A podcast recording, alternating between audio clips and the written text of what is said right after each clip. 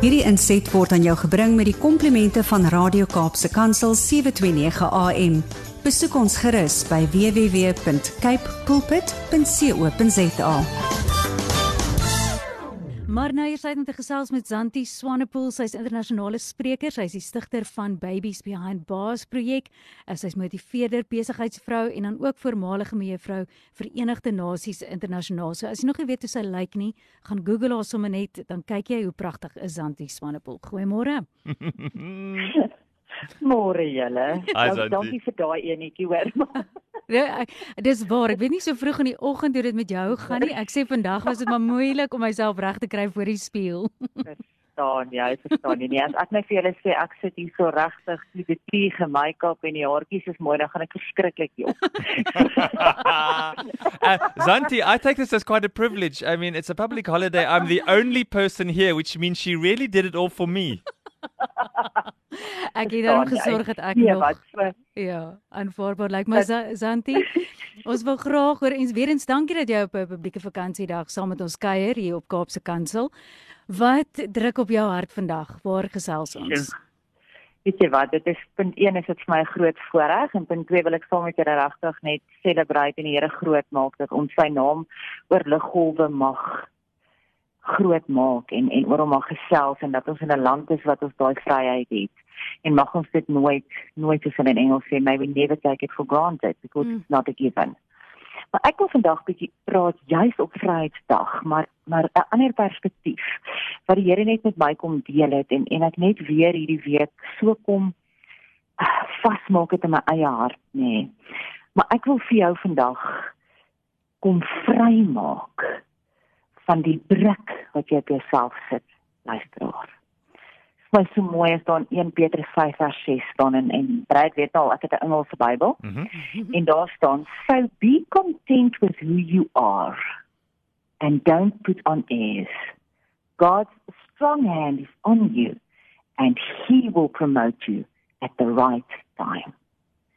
Is dit nie so waar dat ons soms hierdie doelwitte het en ons het soms hierdie drome vir ons eie lewe, maar dan raak ons iemand wat ons nie eintlik is nie, hm. omdat ons mense wil beïndruk. En hierdie skrif het my net weer teruggevat om te sê, weet jy wat, want jy kan tevrede wees met wie jy is.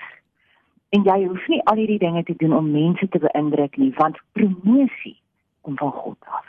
Hm. Mag dit jou vrymaak vanoggend. In Galasiërs 1:10 staan daar Am I now trying to win the approval of men or of God? If I was still trying to please men, I would not be a servant of Christ. Julle dis groot groot woorde.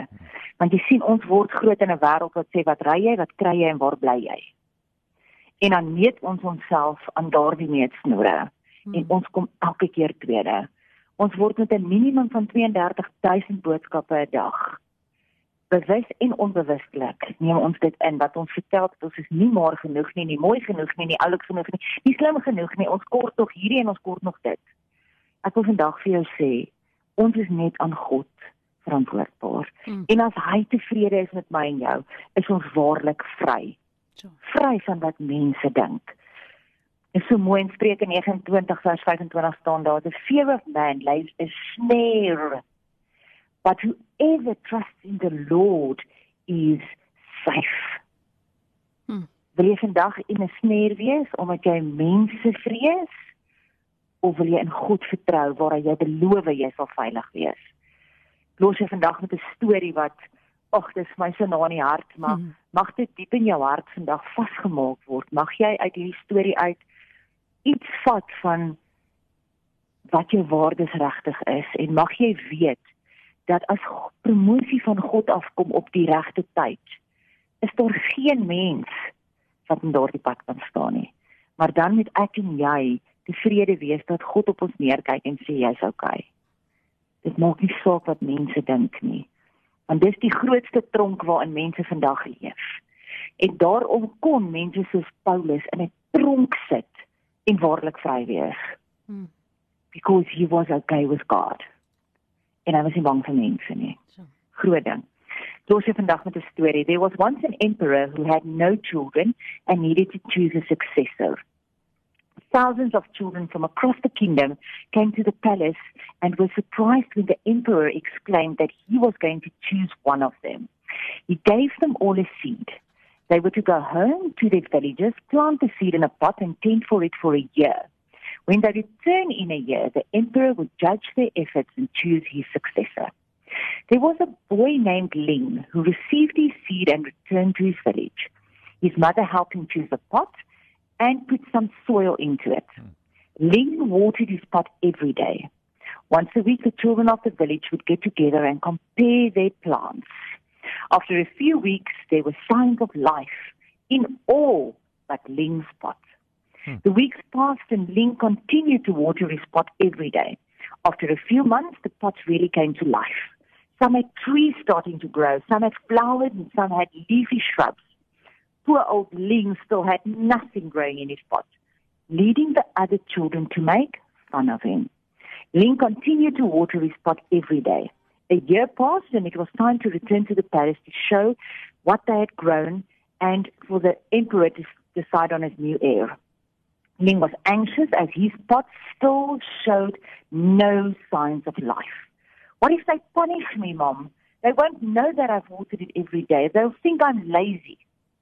But his mother looked at him in the eye and explained, whatever the consequences were, he had to return and show the emperor his barren pot. Lee and the other children entered the palace gates. By now, some of the plants were looking magnificent, and the children were wondering which one the emperor would choose. Ling was embarrassed, and other children looked at his lifeless pot and scoffed. The emperor came out and stared to make his way through the crowd, looking at many impressive trees, shrubs, and flowers that were on display. The boys all puffed their chests out and tried to look as regal possible, hoping that they would be chosen as the heir to this empire. Then the emperor came to Ling. He looked at the pot, then he looked at Ling. What happened here? he asked. I watered the pot every day, sir, but nothing grew. Ling muttered nervously. Then the emperor moved on. After a few hours, the emperor finally finished his assessment, looking at all the wonderful grown plants. He stood in front of the children and congratulated them on their efforts.